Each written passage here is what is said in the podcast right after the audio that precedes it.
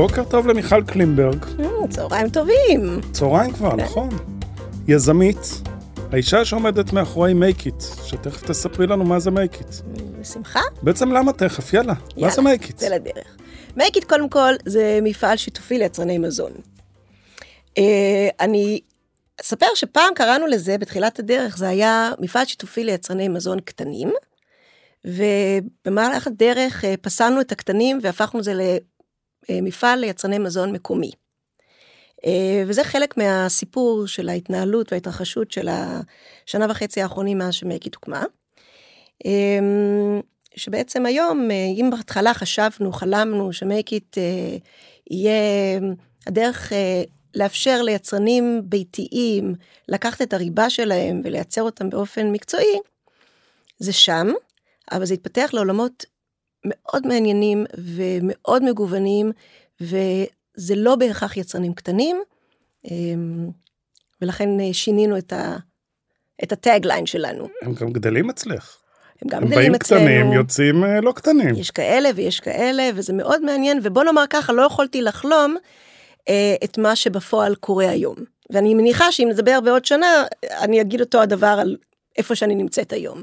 יש דינמיקה מאוד מעניינת והתפתחויות מעניינות, שמייקית הפגישה אה, את ההזדמנות ליצרנים אה, לייצר, ועצם הפלטפורמה של הזדמנות לייצר עם רישיון יצרן וכשרות, הביאה את הגורמים שעבורם זה מתאים אלינו. וזה לא משהו שיכולנו לדמיין אותו בתחילת הדרך, זה היופי ביזמות. נכון? רצים קדימה, קורים דברים, מגיבים להם, אבל בוא נלך אחורה. יאללה. מה מביא אותך לעולם הקולינריה? את באה מבית של קולינריה. אמ, מעניין, אתה קורא לזה בית של קולינריה? פחות. ייצרו אספר מה. אצלכם אוכל בבית. לא, ממש לא. אנחנו באנו, אני, אם תשאל אותי מה אנחנו, אני באה מבית של תעשייה. אני, דווקא בבית צוחקים אצלנו שכשהתחתנו, אימא שלי קנתה לכל אחד מאיתנו אה, פותחן, ועם אה, זה יצאנו לדרך, כי לא היה קולינריה בבית. אולי זה מפתיע לשמוע, אבל זה לא הרקע שממנו אני באה. אני דווקא באה מעולם אחר, בשני עולמות אחרים. אחד זה תעשייה, נכון, תעשיית מזון, והשני זה נדל"ן. אז אם אני אספר איך הסיפור התחיל, זה לוקח אותי אחורנית אה, לשנת 1972. אה, ההורים שלי עלו לארץ מדרום אפריקה, אני דור ראשון בארץ. כשהם הגיעו, סיפור מאוד מאוד מעניין, ארוך ומורכב, שאני לא אכנס אליו היום, אבל אה, בנסיבות כאלה ואחרות, אבא שלי אה, הקים מפעל לממתקים. בזמנו המפעל נקרא טעם ישראל. לימים אה, השם אה, השתנה לכרמית, חשנו את כרמית ושינו את השם. אחר כך תגידי שזה לא קולינריה. כן, כן, זה גם קולינריה, זה לא, אבל אני לא חושבת שאם תחפש את השורש, זה, זה לא השורש. אוקיי. אה, זה הפך להיות פלטפורמה לקולינריה, אבל יש הבדל, כי זה לא העולם שממנו בא. בדרום אפריקה הוא היה תעשיין? לא, דרום אפריקה הוא היה ילד, הוא היה צעיר, הוא למד משפטים, כמו כל המשפחה אצלנו, כולנו עורכי דין משפטנים. לא, ממש לא הגיע מהתעשייה.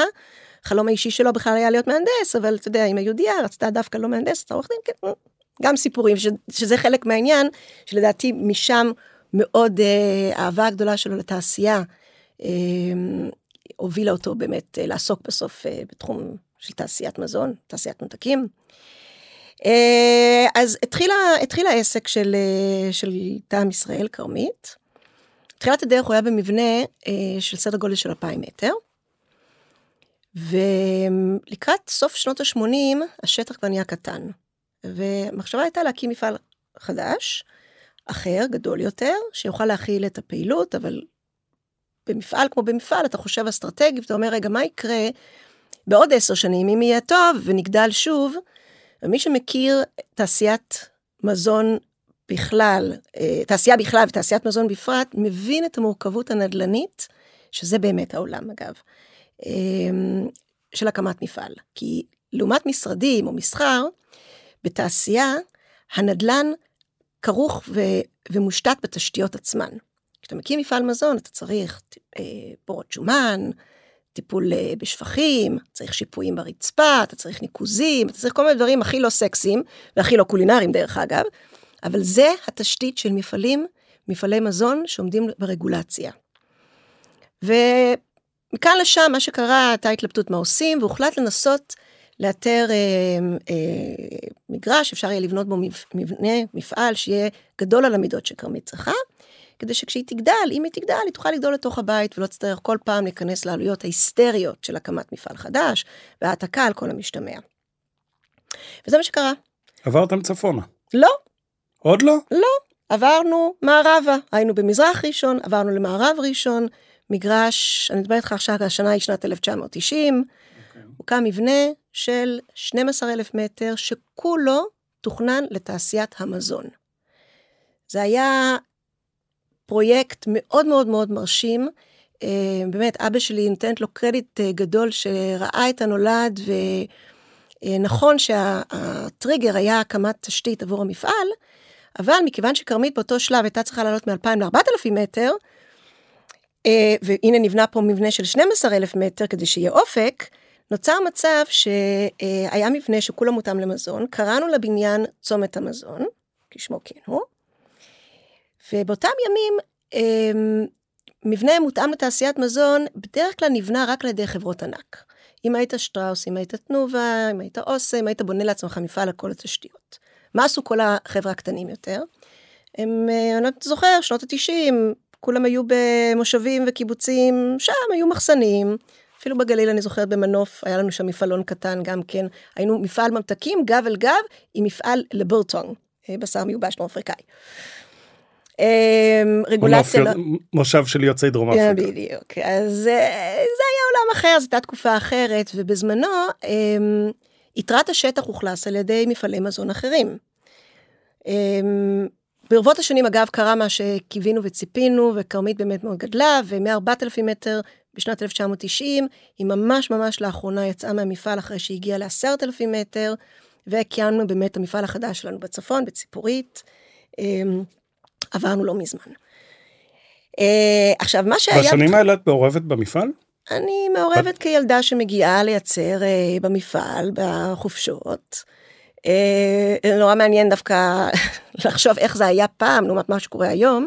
למרות שהיינו מפעל עם רגולציה, יכולנו לקחת סוכריה על מקל, לעשות לה, כשהיא חמה יוצאת, הכדור יוצא, נותנים שני ביסים בצדדים ועושים מיקי מאוס, ואחרי לק קטן לוקחים אותו, הולכים למכל השוקולד הפתוח, נותנים ניגוב קטן בתוך מכל השוקולד, יוצא לך מיקי מאוס סוכריה על מקל מצופה שוקולד, לא היה יכול לקרות בחיים היום.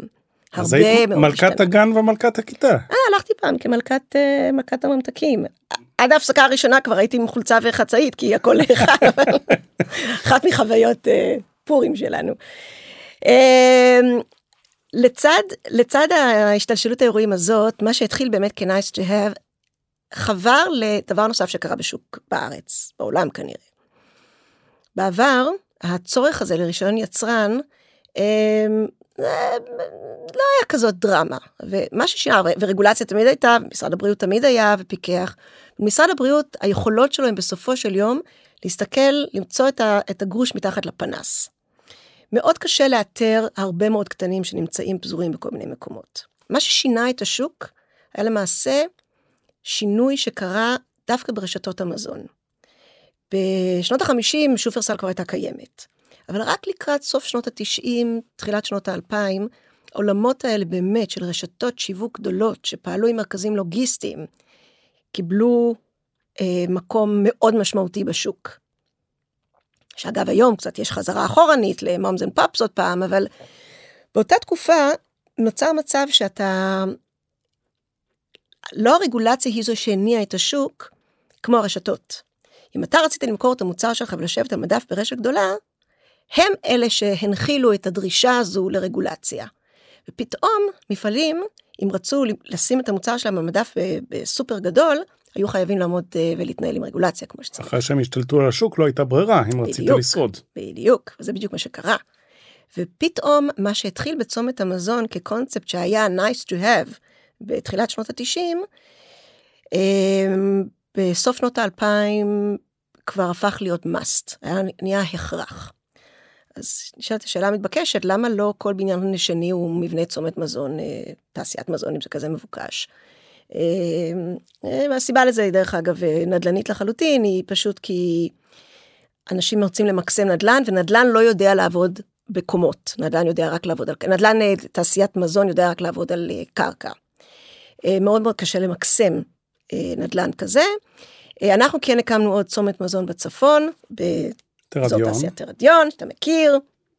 כן, גם ביקרתי אותך שם, ראיתי את דודי הנחושת הגדולים שמצפים אה, נכון. בשוקולד כל מיני דברים טובים. נכון, את המשוקלדים, את התופי דרז'ה שלנו, וכן, זה מוצר מאוד מאוד מעניין. לא דחפתי ידיים, מפעל מזון מסודר הפעם. די, אנחנו כבר לא זה. אמ, אז זה, זה איזשהו מהלך שקרה במשך השנים. במקביל לזה, אני חוזרת, אני עוד רגע מבטיחה להגיע ללמה make it ואיך זה הגיע, אבל זה הכל, הכל בעצם קשור. אז רגולציה קיבלה משנה תוקף, ורשתות השיווק הגדולות עשו עבודה מאוד מאוד חשובה עבור משרד הבריאות, בכך שהנחילו את, ה, את הצורך האמיתי אמ, ליצרנים אה, לייצר עם רישיון יצרן. במקביל לזה, בעולם אחר לחלוטין, עולם הנדל"ן, אמ, נולדו חללים אה, שיתופיים בתחום המשרדים. אני עוסקת, אה, העיסוק המרכזי שלי תמיד היה תחום הנדל"ן, עוסקים גם במסחר ובמשרדים, וזה... הכרתי היכרות מעמיקה את עולם השטחים ה-shade spaces. חללי עבודה משותפים. חללי עבודה משותפים. So called uh, WeWork. יפה, אז WeWork מאוד מאוד מאוד מוכר. אבל אני אספר לך משהו שאני לא יודעת אם אתה שמעת פעם על ריג'ס? לא. או. ריג'ס קיימים כבר 50 שנה. בכל העולם. הם אלה שהתחילו את הקונספט הזה ראשונים, אבל הם באו בתקופה אחרת. וריג'ס עשו, עבדו במודל, תסלח לי על הדימוי, אבל שיטת הטמפון. תהיה עם ותרגיש בלי. נתנו לך להרגיש כאילו אתה אה, במשרד, הלקוחות שלך חשבו שיש לך משרד, אבל אף אחד לא ידע שזה שיתופי. היה משהו... אה, סלח שבתי, כל פעם באים, מחליפים את השלט. בדיוק, לגמרי כזה. באים התורמים, מבסוטים לאללה ונקסט. בדיוק. זה היה המודל, וזה המודל הזה עבד, אבל דווקא השושואיסטיות שלו היא זאת שעמדה מאחוריו. בא WeWork, והבשורה הגדולה שלהם לשוק הנדל"ן, ואני במידה רבה נותנת להם קרדיט על הדבר הזה בשוק בכלל, ומה שעזר להוביל את מייקית, הם עשו את ההפך המוחלט. הם חגגו את השיתופיות. הם הנחילו והשרישו את הטוב אה, בשיתופיות, ודווקא חוגגים את הנושא של הקהילה. איפה שריג'ס, ובלי לפגוע בריג'ס, הם עושים עבודה נהדרת, אבל התפיסת עולם הייתה הפוכה לחלוטין. כשאלה, אה, אה, אה, זה היה בשקט, בשושו, אלה עשו מזה עניין גדול, וזה הוביל לתפיסת עולם אחרת לחלוטין. אגב, זו הייתה מהפכה מאוד מאוד משמעותית בעולם הנדל"ן בכלל, המשרדים ממש. כן, רק שהם עשו יותר מסיבות אלכוהול נכון, ושמח מאשר, זה... מאשר לבנות קהילה יצרנית שמשתפת פעולה ומנצלת את המוחות והכוחות שנמצאים באותו אזור. נכון לחלוטין, גם זה עבר uh, מהפכות ותהפוכות מאוד משמעותיות בשלוש השנים האחרונות, אבל לא זה הנושא. מה שאני רוצה להגיד שמההיכרות uh, שלי את עולמות החללים המשותפים, שוב, במשרדים זה נורא נחמד, אתה מגיע, אתה עושה plug and play, זה נחמד, אתה יכול לעבוד מהבית, זה לא ממש הכרח. בעולמות המזון, המפעל הוא קריטי, אתה לא יכול לייצר בבית. עכשיו, כל מי שרוצה לייצר משהו... אתה יכול, זה רק לא חוקי. יכול, זה לא חוקי, כן, אתה יכול, ורבים עושים זאת, וזה לא חוקי, וזה בסדר, דרך אגב, שכל אחד יכול לעשות מה שהוא רוצה, אנחנו אף פעם לא באים... נדבר תכף מה עושים בעולם. שופטים, כן. אבל זה היה הרקע. על הרקע של המחשבה של השילוב הזה, כשאם רגע נחזור רגע לסיפור של צומת המזון, מה שצומת המזון עשה, הוא דיבר שיתופיות, אה, אבל חיצונית, בתשתיות ובמערכות. מייקית היה לקחת את הקונספט הזה של צומת המזון שהיה שיתופי בחללים החיצוניים, ולהכניס את השיתופיות גם פנימה.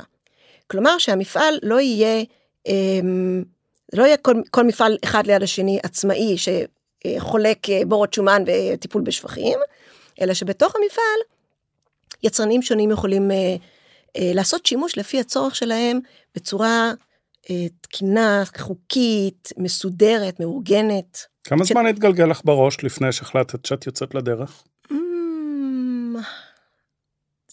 אני חושבת שיש סדר גודל של שנה וחצי, שנתיים, עד שהדבר הזה ממש התחלנו לשפץ. בדרך עשינו עוד מהלך ועשינו מחקר אה, בנסיעה לארצות הברית. אה, כי הרי אם דברים קורים, זה קורים, קורים באמריקה, ובחנו את זה ומצאנו שיש משהו שנקרא food incubators, או חממות בארצות הברית. נסענו לבחון את זה. אה, היינו בברוקלין, שם יש המון מקומות כאלה, ונסענו גם לוושינגטון די.סי וראינו גם חלופות שם. המסקנה המרכזית מהנסיעה הזאת הייתה שאין שניים דומים. אז אם אין שניים דומים, צריכים להבין למה אין שניים דומים, מה, מה, מה, מה, מה אנחנו מבינים מזה. הסיבה הראשונה הייתה שבין ברוקלין לוושינגטון יש רשויות, רשויות שונות, זה מדינות שונות, והרגולציה אחרת. גם העירונית וגם של משרד הבריאות של כל אחת מהן. אבל גם בכל מדינה היו מודלים שונים. היו כאלה שעבדו על אחוזים, והיו כאלה שעבדו על עמדות, וזה היה מאוד מאוד שונה. כשבאנו לארץ והמחשבה הייתה לעשות uh, לקונספט עלייה, אה, פנינו למשרד הבריאות ואמרנו, באנו עם רעיון, um, והפתיעו אותנו לטובה מאוד. באופן כללי אני חייבת להגיד שמשרד הבריאות מפתיעים אותי לטובה ביחס למה שציפיתי.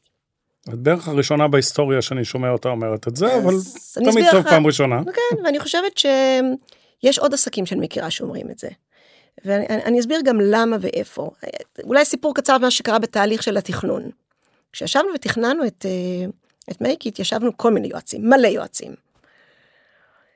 ואחד היועצים אמר לי, טוב תראי, תעשו את זה, תגישו את זה ככה, ואחר כך, אמרתי לו, זה לא יעבוד ככה. אנחנו, מה שאנחנו עושים... נפלת על יקית, אני צריכה נפל... הכל מתוכנן מהיום הראשון. לא, לא, הוא נפל על חננה, שלא רק שידעה שהדבר הזה תמיד יכול להיות חשוף. אני לא רציתי, הרי מתי אתה עושה מה שהוא הציע? קודם כל כולם עשו, עושים את מה שהוא הציע, או הרוב עושים את זה. כי אתה יודע שהם באים פעם ב, אז מקסימום לביקורת אתה עושה את ההתאמות. פה, אתה היית אצלנו, אתה ראית את המפעל. כולו שקוף. אנחנו נדבר תכף גם על המפעל ואיך הוא נראה ולמה. אני יכול להגיד לך שחבר'ה שבאים להתייעץ איתי למשל על פוטרקים, אני אומר להם חבר'ה תשאירו בכוונה משהו שקל נורא לתקן, שהוא לא בסדר, כי משרד הבריאות יגיעו, הם לא מסוגלים לחתום שהכל טוב, הם יהיו חייבים לתת ריג'קטים. אז עדיף שייתנו ריג'קטים קלים שקל לתקן, מאשר שיחפשו מתחת לשטיח ומתחת לאדמה, כי הם לא משחררים. אז אני אספר את החוויה שלי לא כזו עם משרד הבריאות, והסיבה אני חושבת היא שבסופו של יום, ככל שתעשה את זה טוב יותר, נכון יותר, ועם כוונה אמיתית לממש את זה, ולא בשיטה שאמר אז היועץ, משרד הבריאות לא מחפשים מלחמות. אם אתה רואה לי מה הם מתמודדים בהרבה מאוד מפעלים, זה קטסטרופה. אני חושבת שהם אה, יכולים לשווק את עצמם טוב יותר, כי באמת צריכים להבין מה המטרה של משרד הבריאות. כל המטרה שלהם זה בטיחות, אה, בטיחות הציבור בתחום המזון. עכשיו אני לא פה כדי אה, לשווק את משרד הבריאות, אבל אני כן חושבת שחשוב ליצרנים, כי חלקם באים אלינו ואחר כך ירצו להקים מפעל משל עצמם, יש מסר אחד שאני חושבת שהוא חשוב, תעשו את זה כמו שצריך. יש היגיון מאחורי השיגעון. לא צריכים להיכנס למלחמה ולא לראות במשרד הבריאות כאויב העם, כי הוא לא. וברגע שמשרד הבריאות קולט שאתה תופס אותם ככאלה, הם הרבה הרבה יותר נוחים. ואם אתה עושה את זה כמו שצריך, אז זה בסדר. מה קורה היום בעולם? ארה"ב, אירופה, את מקבלת רישיון יצרן, בודקים את המוצר, לא בודקים את המתקן שבו את מייצרת. Uh, היכולת בארץ של יצרנים קטנים, אלא אם כן הם באים אלייך, ותכף נדבר יותר על מייקית ומה היא נותנת, אבל אי אפשר לקבל רישוי ואישור לעשות בצורה חוקית דברים שבאירופה ובארצות הברית הם מאוד פשוטים. עשיתי שווקי אוכל, אה, שוקי הפלאו בזמנו ואירועים אחרים, והתמודדתי עם דברים שאני רואה בשאנזליזה, בשוק כריסמס, מוצג לראווה במקום הכי יוקרתי בעולם, ואני מחייך, ואומר, משרד הבריאות היו רואים את זה בארץ, מחרימים את הסחורה, משמידים אותה, ומזמינים אותי לשימוע. אנחנו במצב צודק, קצת... אה, התחושה, דרך אגב, שלי כל הזמן, היא שיש לחץ של היצרנים הגדולים, לא לשנות את הרגולציה, לא להתאים אותה ל, אה, למה שאנחנו נמצאים בו היום. יש היום טכנולוגיות חדשות, יש דרכים שונות לייצר, ונראה שמשרד הבריאות תקוע איפשהו רחוק רחוק מאחורה, ולא מחפש להשתנות. זאת אני... התחושה שלי בפגישות עם המון המון המון יצרנים. אוקיי, אז יש לי כמה דברים להגיד על זה. קודם כל, אם מה שאתה אומר נכון, מייקית לא הייתה קמה. כי אני לא קמתי בתוך ואקום. המקום קם עם ברכת הדרך של משרד הבריאות. אז זה קודם כל אמירה שצריכים להכיר בה, שזה חדשני, זה אחר, זה מאוד מורכב מה שקורה, והם אפשרו את זה. מאוד משמח לשמוע, כן, מאוד משמח לשמוע. סיבה שנייה שאני חושבת שמה שקורה, יכול להיות שיש כוחות אה, שוק של הגדולים שמונעים, אבל אני חושבת שיותר סביר שאנחנו פשוט מדינה צעירה מאוד. כשאתה משווה אותנו לאירופה, שבאמת באירופה אפשר לעשות דברים שאי אפשר לעשות פה. יש כאן היסטוריה ארוכה של אה, אה, דברים שנהוגים, אתה יודע, זה כמו מישהו שחוזר בתשובה, כשאתה חוזר בתשובה, בדרך כלל אתה מחמיר עם עצמך עד שאתה מבין את הגבולות הגזרה, ואז אתה מתמתן. קצת כזה אני מרגישה שקורה פה בארץ בהרבה דברים. אגב, זה נכון לגבי רגולציות בישראל בכלל, תסתכל אפילו על בנקים, לא רק על משרד הבריאות. אה, לא רוצה להיכנס לשיחות על סאב פריים וכאלה, אבל כשקרה הברית מה שקרה, זה לא קרה בארץ. כי בארץ הרגולציה היא מאוד מחמירה across the board, זה לא נכון רק לגבי משרד הבריאות. זה משהו שמאפיין את המדינה שלנו. אני חושבת ומאמינה שככל שיחלוף הזמן, והחזרה בתשובה של הרשויות שלנו יתמתנו וכן יהיה מנעד רחב יותר של פעולות, ואני חושבת שמייקי זה בהחלט אה, איזשהו סמן ימני של, אמ, אני לא רוצה להגיד אה, הקלה, כי, כי אין שום דבר קל במה שאנחנו עושים, או ברגולציה שנדרשנו לה, אבל זה כן מעיד על פתיחות לעשות דברים אחרת. אני לגמרי בעד. הקמתם את מייקית. לקחתם בעצם את המפעל הישן של כרמית, חלק ממנו, דווקא לא, עכשיו? זה היה מה שהיה דוקטור לק לשעבר, אותו בניין, אבל הבניין שלכם. כן, כן. אוקיי.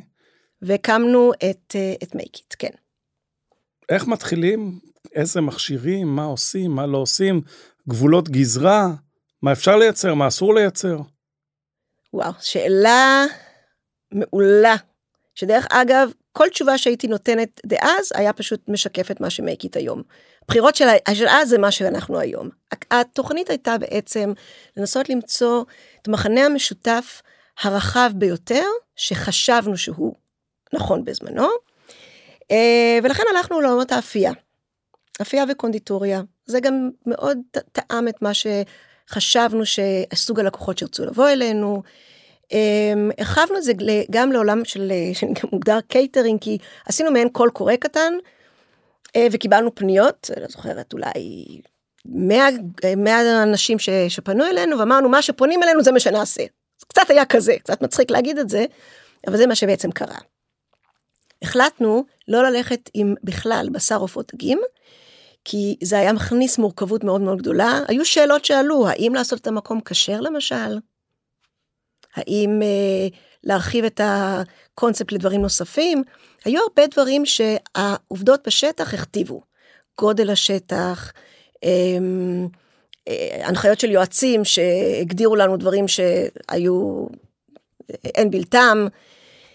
אה, ואני יכולה להגיד לך שהיום למשל, אם התחלנו עם אפייה וקונדיטוריה וקייטרינג, היום קייטרינג זה כמעט לא משהו שאנחנו מכניסים למפעל, כי הגענו למסקנה שזה לא נכון לנו, דווקא מהצד התפעולי, תפעולי ורגולטורי.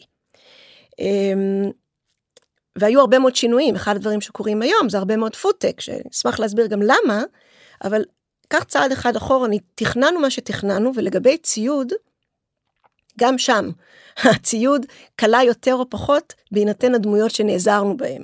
אז מי שנעזרנו בהם... כל אחד כיוון לכלים כן, שהוא זה, צריך בייצור שהוא רגיל אליו. אז קיבלנו ייעוץ לגבי ציוד. הציוד שהבאנו מעולה, אנחנו הצלחנו להביא ייבוא, ייבוא אישי לבד, הבאנו ישירות מצרפת, מכונות מעולות. אני לא הבנתי בזה כלום, ומאוד נשענו על היועצים שלנו, שהייתי אומרת שהייתה כאן, כלאו באחוז מאוד מאוד יפה של הדברים.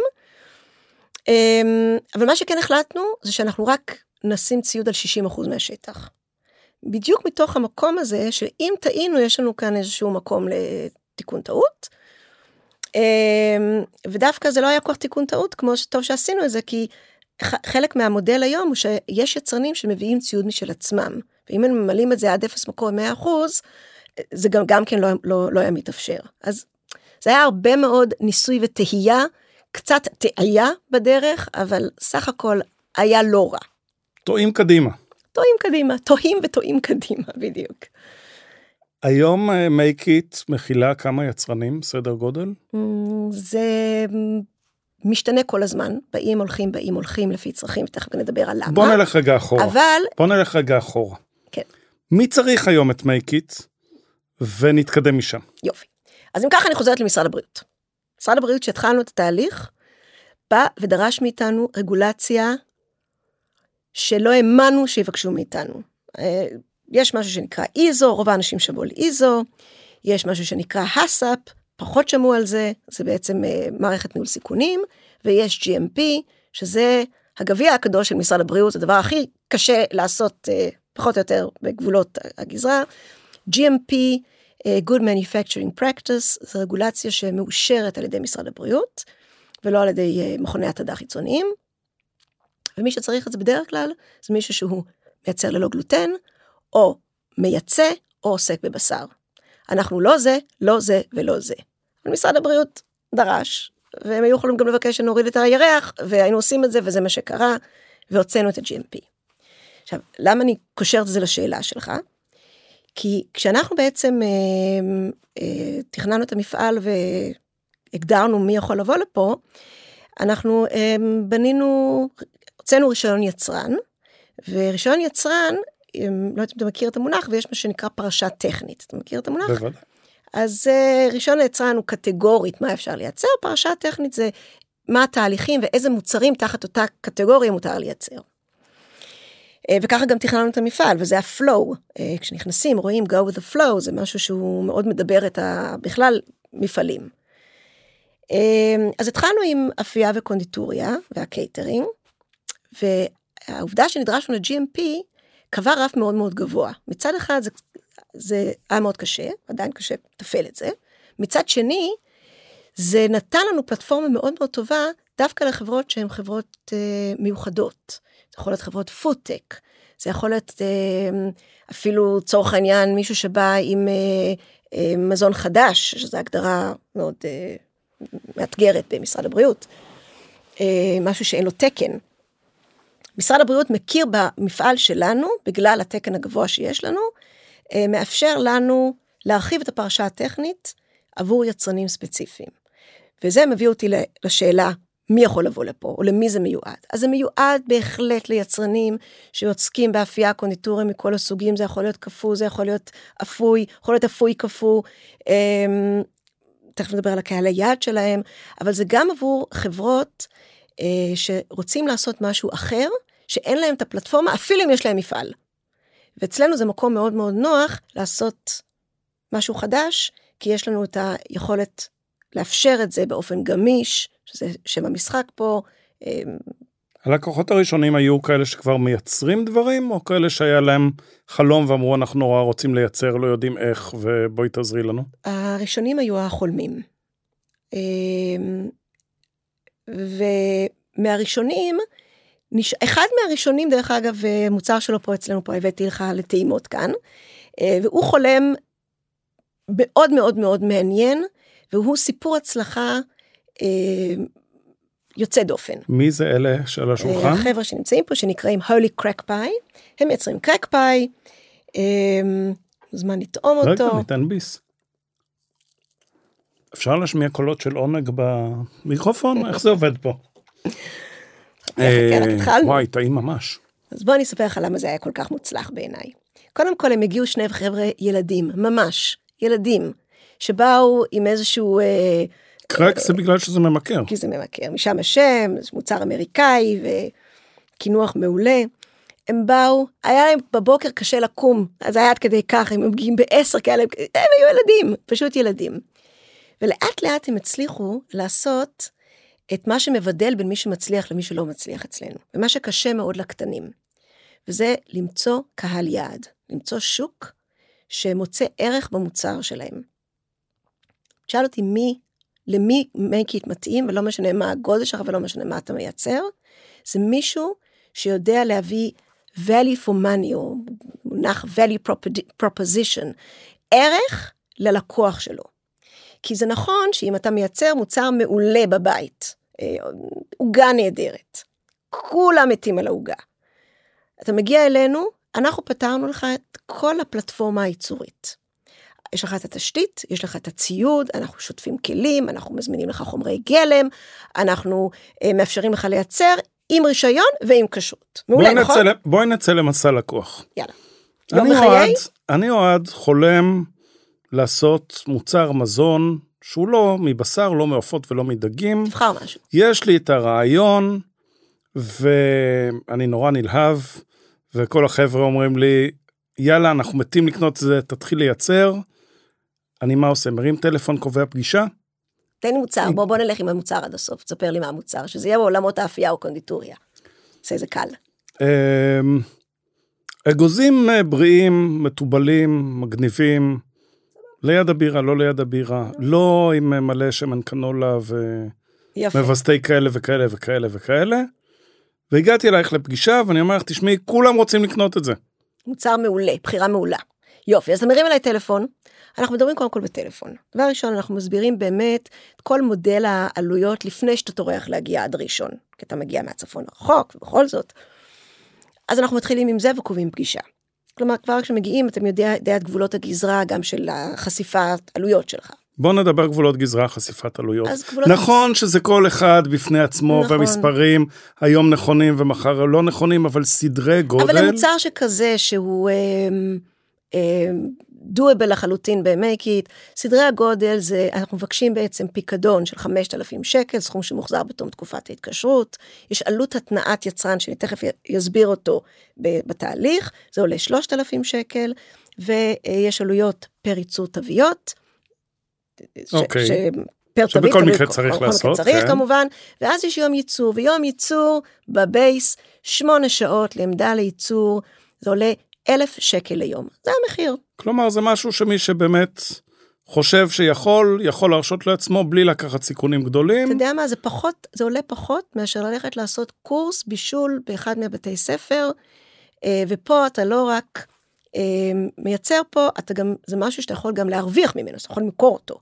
אז סדרי הגודל של לא, קודם העלויות... כל אתה, אתה מוגן כי יש לך רישיון ויש לך כשרות נכון. שפותח עוד קהל יעד, ובעצם אפשר להתחיל ברגל ימין ולא לדאוג מהכיוון הזה. דיברתי איתך בטלפון, שמעתי את המספרים, קבענו. הכנתי צ'ק, באתי לפגישה. לא, לא הכנת צ'ק עדיין, באת לפגישה. אני בכוונה עוצרת אותך פה, למה? אוקיי. כי אני, קריטי מבחינתי שאנשים יבואו לראות את המפעל. המפעל הוא שיתופי. אה, רוב האנשים לא יודעים מה זה, לא מבינים את המודל, ועד שלא ראית בעיניים, זה לא מתאים לכל אחד. ולכן דבר ראשון, לפני שאתה מביא את הצ'ק, אתה בא לפגישה לראות בעיניים ולהבין איך זה עובד, ולהחליט אחרי שראית גם שזה מתאים לך. בפגישה אנחנו מדברים על כל התהליכים והכל, אבל זה מאוד מאוד חשוב לנו. בחיים אנחנו לא נסגור הסכם עם מישהו בלי שהוא הגיע. יש כאלה שאמרו, וואלה, לא כל כך נראה לי, ו... לא, כמעט תמיד זה הולך הפוך. אוקיי, אוקיי. אה, אה, אפשר גם את זה, אז בואו נייצר גם את זה. אבל כן חשוב לנו שזה יהיה ברור, תיאום ציפיות זה שם המשחק בכל דבר אוקיי. בחיים, אבל בעיקר בנושא הזה. אז אתה מגיע לפגישה ואז אנחנו בעצם רוצים להבין כמה דברים. צריכים להבין, צריכים לשים תיק על כמה קופסאות. הראשון הוא האם רגולטורית אה, המוצר שלך בכלל בפרשה הטכנית שלנו. אוקיי. המוצר שלך, אגוזים, מתובלים, צ'ק. שאלה שנייה שאנחנו נשאל, האם תפעולית אפשר לייצר את המוצר? כלומר, האם הציוד שיש לנו מתאים לך? יכול להיות שתגיע, במקרה של המוצר שאתה מדבר, התשובה היא כן, אבל אם המוצר צריך, סתם לדוגמה, אוקיי, אני תנור- לא יודע מה צריך. אני יודעת שאתה לא יודע, אני אומרת לך, אנחנו אוקיי. לומדים את זה ביחד. גם שם יש פתרונות, לא רוצה להרחיב על זה, חבל על הזמן, אבל בסדר, יש גמור. פתרונות לדברים האלה. אז אם תפעולית ורגולטורית זה עובד, אה, מפה אתה יוצא לדרך, מעבירים לך הסכם התקשרות, אנחנו בעצם נכנסים לאיזשהו תהליך, אה, יוצאים לדרך, בשלב הזה כבר אתה משלם לביטחונות ועל ההתנעה, ואתה מתחיל את תהליך ההתנעה של המוצר, שמורכב משלושה שלבים. השלב הראשון זה אפיון המוצר שלך, בעצם להבין מה חומרי הגלם, מה התהליך שלך, אמ, איך אתה רוצה לארוז, והשאלה הראשונה, ראשונה, ראשונה שנשאל אותך עוד בטלפון, כי שם הכל מתחיל, מי הלקוח שלך. אוקיי. למה? כי אנחנו יודעים להביא את היצרן, את המוצר של היצרן, ב-time to market מאוד מאוד מהיר.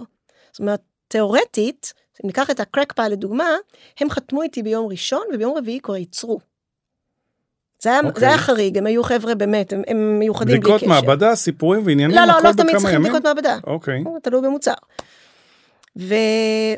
ובסופו של יום, אנחנו לא רוצים להחזיק אותך שבוי כשיש עוד דברים לעשות. ולכן חלק ממה שקורה בפגישה, זה לאפיין את המוצר ברמת המוכנות שלך ליציאה לשוק. האם יש לך תווית אה, ממותגת, אם אתה רוצה לפגוש מדף? יש עסקים שלא רוצים לפגוש מדף, הם רוצים לפגוש את עצמם כחומר גלם למסעדה שלהם, שזה סוג של לקוח. יש כל מיני דברים שצריכים להבין, אנחנו תמיד מתחילים ברוורס אנג'ינירינג מהסוף, כלומר מה, מהמוצר. איך אתה רוצה לארוז אותו, האם הוא יצא מכאן מצונן, קפוא, האם הוא יבש, זה שאלות שמתורגמות אחר כך לרגולציה. אתם עוזרים ללקוח גם אה, למצוא את קהל היעד שלו? אה, אנחנו עוזרים לו לדייק מי קהל היעד שלו. אנחנו עושים דברים סביב זה, אני, אני, אני אחזור לזה כי זה, זה בסוף. אבל אוקיי. עוד אוקיי. קודם לכן, יכול להיות שהמוצר שלך מעולה, אבל אתה לא סגור, אתה רוצה אולי claims על המוצר שלך, האגוזים המתובלים. פה אנחנו גם כן נעצור רגע, אנחנו עטופים ומוקפים ביועצים אה, מכל מיני סוגים. החל מכל אה, אה, מיני יועצים עסקיים, איך אתה מתמחר את המוצר שלך, למשל, איך לפגוש שוק, אנחנו... זה כבר בשלב כל כך מוקדם? כן, כי אנחנו רוצים שתצא, אתה לא פה כדי לשחק, אתה לא פה, אתה okay. לא אוקיי. מקים מפעל, אתה פה כדי למכור את המוצר שאתה מייצר. עכשיו, לנו האג'נדה שלנו, באמת עסקית, זה שאתה תייצר כמה שיותר, מצד שני אנחנו לא מחייבים אותך למינימום. אז גם לנו יש אינטרס שתפגוש שוק כמה שיותר מהר כדי שיהיה לך תחלופה ותחזור לייצר. זאת אומרת, יש כאן ברור. מעגל שהוא ברור, העסק הזה הוא כלכלי לחלוטין, אה, וזה משהו שאני גאה בו, לא... זה בסדר, כולנו צריכים להרוויח. כלומר, הגעתי לפגישה חוץ מאשר איתך, עם מי עוד אני יושב? בשלב הזה אתה תפגוש אותי ואת ענבל שהיא מנהלת המפעל. אוקיי. Okay. אין הרבה אנשים במפעל, ותכף אני אספר גם איך זה עובד, אבל רק, רק לסיים את, ה, את התהליך שיום בחיי שלך, אתה, אתה תענה לי אם יש לך כבר שם מותג, ואם יש לך תווית מעוצבת, ויכול להיות שאנחנו נגיד לך שהמוצר שלך חייב איזשהו פיתוח מסוים שהוא לא מפוצח, שאנחנו נפגוש אותו בייצור, ולכן נשלח אותך ליועץ אה, טכנולוג מזון שמתמחה בפיתוח, ואנחנו נעזור לך לעשות שיעורי בית, אלינו. שהוא עובד שלכם או שהוא חיצוני? לא, את חיצוני. אומרת לי א', ב', ג', זה האופציות שלך. אין לנו, אנחנו לא עובדים עם אף אחד בלעדיות, אנחנו גם, תמיד זה המלצות, תעבוד עם מי שאתה רוצה, באמת. אוקיי. אנחנו גם ניתן את ההבחנה לפי מקום מגורים ולפי אופי מוצר, כי אם אתה היית בא אליי ואומר שהמוצר שלך הוא סלט, אז יש תקנים לסלטים, או לשוקולד, יש תקן לשוקולד. זה לא, אתה כ, כ, כאדם מן היישוב לא בהכרח יודע שמוצר מהסוג הזה דורש תקן בכלל. ואנחנו נפגיש אותך עם המציאות של המוצר שלך. אוקיי. אוקיי. עכשיו, אותי, אני בחיים לא אגיד לך מה דעתי על המוצר. אני יכולה להגיד לך שטעים. אבל אנחנו לא מאסטר שף. אם את חושבת שהמוצר לא טוב, את לא תגידי לי בחייאת, תחזור הביתה? אני לא אגיד לך את זה בהקשר של טעם, אני אגיד לך את זה בהקשר של ה... של הנושא עצמו. של הנושא אצלנו. אתן לך דוגמה, היה מקרה של יצרן שבא אלינו, ואנחנו לא ראינו את ההתכנות הכלכלית שלו אצלנו, כי מה שעובד ב-make it זה value over volume. אוקיי. Okay. אוקיי? Okay? למה? כי אתה בא ואתה משלם אצלנו על זמן, אנחנו לא לוקחים אחוזים ממך, אתה, אתה משלם. עכשיו אם אתה בא ורוצה לייצר מוצר, אתן לך דוגמה למשל אה, חלות, okay. אוקיי. שאין להם שום דבר מיוחד, סתם חלות, אוקיי? טעימות ככל שהם יהיו. זה מאוד מאוד מאוד uh, time consuming ב- בעבודה. Uh, זה בסופו של דבר מוצר מדף שמתחרה עם עוד אלפי מאפיות. קשה לבדל אותו. קשה לבדל אותו, קשה לייצר כמויות גדולות, והערך שלו, אלא אם כן זה משהו מקוסמין סופר מיוחד, וגם אז אני לא בטוחה שתצליח להסיר כמויות. הערך הנתפס לא מספיק גבוה כדי לתת לו היגיון כלכלי. לעומת זאת, תטעם למשל את המוצר שיש לך פה מולך, אה, את הפרלין המעולה הזה, שמיוצר על ידי אחת היצרניות שלנו, שנקרא Bis of Love, פרלין מעולה, טבעוני, טוב, תגיד אתה אם הוא מעולה, סתם. האמת שהוא מעולה, אפילו שהוא טבעוני. למרות. זה מוצר. לא, אני אוכל גם דברים טבעוניים, זה בסדר. אה, כן, בסדר. בטעות כולנו, אבל כן. שם מוצר מעולה. וזה מוצר שההצדקה שלו במייקאיט, הvalue שלו מצדיק ייצור, הvalue ביחס לווליום מצדיק, מצדיק במשוואה דברי, הזאת. דברי, דברי, אני בינתיים אוכל. אין בעיה, תהנה. אה, ולכן זאת שאלה ש... שבאמת אה, נשאלת כדי להכווין מי מתאים. אז, אז באו אלינו חבר'ה שלא היו מתאימים מהבחינה הזאת. המוצר היה מוצר מאוד מאוד גנרי. ואנחנו כן ראינו לנכון, באמת כאחריות שלנו, כי אני חייבת, לא דיברנו על זה בכלל, ויש כאן איזושהי אג'נדה חברתית אמיתית. זה לא נולד ביש מאין, זה משהו שאתה חייב לחשוב חברתי כדי להקים מקום כזה. ואנחנו רוצים שהיצרנים שיצאו מאצלנו, יצאו עם הצלחה. אנחנו גאים באלה שיצליחים לפרוס כנפיים ולהתקדם הלאה ולעשות את מה שחלק מה שיושב פה על השולחן קורה. ולכן באנו ואמרנו לו, אה, תראה, הסיכוי שלך ל... להרוויח פה, אנחנו לא רואים את זה. תחשוב אם זה נכון לך. והוא חזר אלינו עם תשובה מעולה. הוא אמר, אני יודע שאני לא מרוויח פה. אני לא פה בשביל, אני לא רואה את זה כהוצאה, אני רואה את זה כהשקעה. הוא אומר, אני רוצה לבוא לפה כדי להגיע למספיק שוק ומספיק קהל לקוחות כדי להצדיק הקמת מפעל. גם אם בדרך אני לא מרוויח, לא מרוויח, לא מפסיד, אבל זה מבחינתי יותר, זאת ההשקעה הכי טובה שאני יכול לעשות, כי אני מקפיץ את עצמי למדרגה הבאה. כי כרגע אין לי קהל לקוחות. אני לא יכול להגיע ללקוחות כי אין רישיון יצרן. אם אני אקים מפעל, אין מי שיממן אותי. השקעה של מיליונים, ואני בדיוק, לא יודע אם המוצר יתפוס בכלל. בדיוק. אז אתם מבחינתי פיילוט עם רישיון, שאני, האג'נדה שלי זה לא להרוויח. כל אחד בא בשביל משהו אחר, וזה הסיפור המעניין שהתברר במייק איט. יש חבר'ה שבאים אלינו לא בשביל רישיון, בשביל הכשרות. אני חושבת שאני מקבלת יותר פניות מעסקים קטנים, שאומרים אני חייב כשרות. איזה כי... כשרות יש לכם? הכשרות שלי היא כשרות של רבנות ראשון. זאת לא כשרות מהודרת, אה, אבל היא מספיקה. ובאמת, אה, עוד, עוד לא נתקלתי בחסם שבגלל הכשרות, גובה הכשרות אנשים לא באו, אבל היום ברור לנו אם הייתה התלבטות, אם נכון שזה יהיה כשר או לא, ברור שכשרות זה דבר שהוא בשוק הישראלי קריטי, לא פחות מרישיון יצרן, כדי לפגוש מדף. לגמרי. עברתי את זה, שאלת אותי על התווית, כדי לעשות תווית צריך טכנולוג מזון שיפרק את המוצר, ייתן לו תוקף, ייתן לו רשימת מרכיבים מסודרת, ייתן לו עוד כל מיני דברים שצריך לעשות. אה, אין לי את זה, באתי אלייך, אני אומר לך, תשמעי, יש לי אגוזים ויש לי אה, שבשישור וזאטר ואני רוצה לעשות דברים מגניבים. הלאה. Okay. אוקיי. שולחת אותי למישהו שיודע לאפיין את המוצר? לא, זה בדיוק ה... זה בעצם התווית הרגולטורית היא התמצית של מייקי. היא בסופו של דבר הכל מתנקז לזה. כי מה שקורה כשאתה מגיע לייצר אצלנו, אתה עובר את שלושת השלבים של ההתנעה, שזה אפיון המוצר דיברנו עליו, אתה עובר הדרכה אצלנו של בטיחות מזון והבטחת איכות, אנחנו מלמדים אותך להיות יצרן מן המניין, והסיבה היא שהרישיון הוא שלנו אבל אתה היצרן. אחרי שאנחנו עושים את השלב הזה, השלב השלישי של ההתנעה זה יום ייצור אצלנו. מטרה של יום הייצור זה שאתה תתנסה באמת בעבודה במתקן שלנו, במפעל שלנו. זה שונה מהבית, וזה אפילו שונה אם אתה עובד במפעל, ממפעל למפעל. כשהיום הראשון הוא בעצם מודרך, שרואים מודרך. שמשתמשים בציוד בצורה נכונה, בדיוק. ולא עושים שטויות. מלווים, מלמדים, והוא משמש לך הזדמנות לחוש את המקום, ולנו הזדמנות לתקף את האפיון שעשינו רגע, בשלב אבל הראשון. באיזה שלב יצרתי את התווית ומי עשה אותה? אוקיי. אחרי שסיימנו את השלב התלת, אה, שלושת השלבים האלה, אנחנו פה אה, נפרדים מבחינתנו כעשרה ימים, אבל זה בעצם תלוי בך. מה שקורה בזמן הזה, אחרי שעברנו את כל התהליך, למדנו את המוצר שלך, ואנחנו מייצרים לך את התווית. מה שמייקית עושה, היא מייצרת תווית רגולטורית שיש בה ערכים, רכיבים, אלרגנים, תוקף, כשרות ורישיון. זה מה שיש בתווית.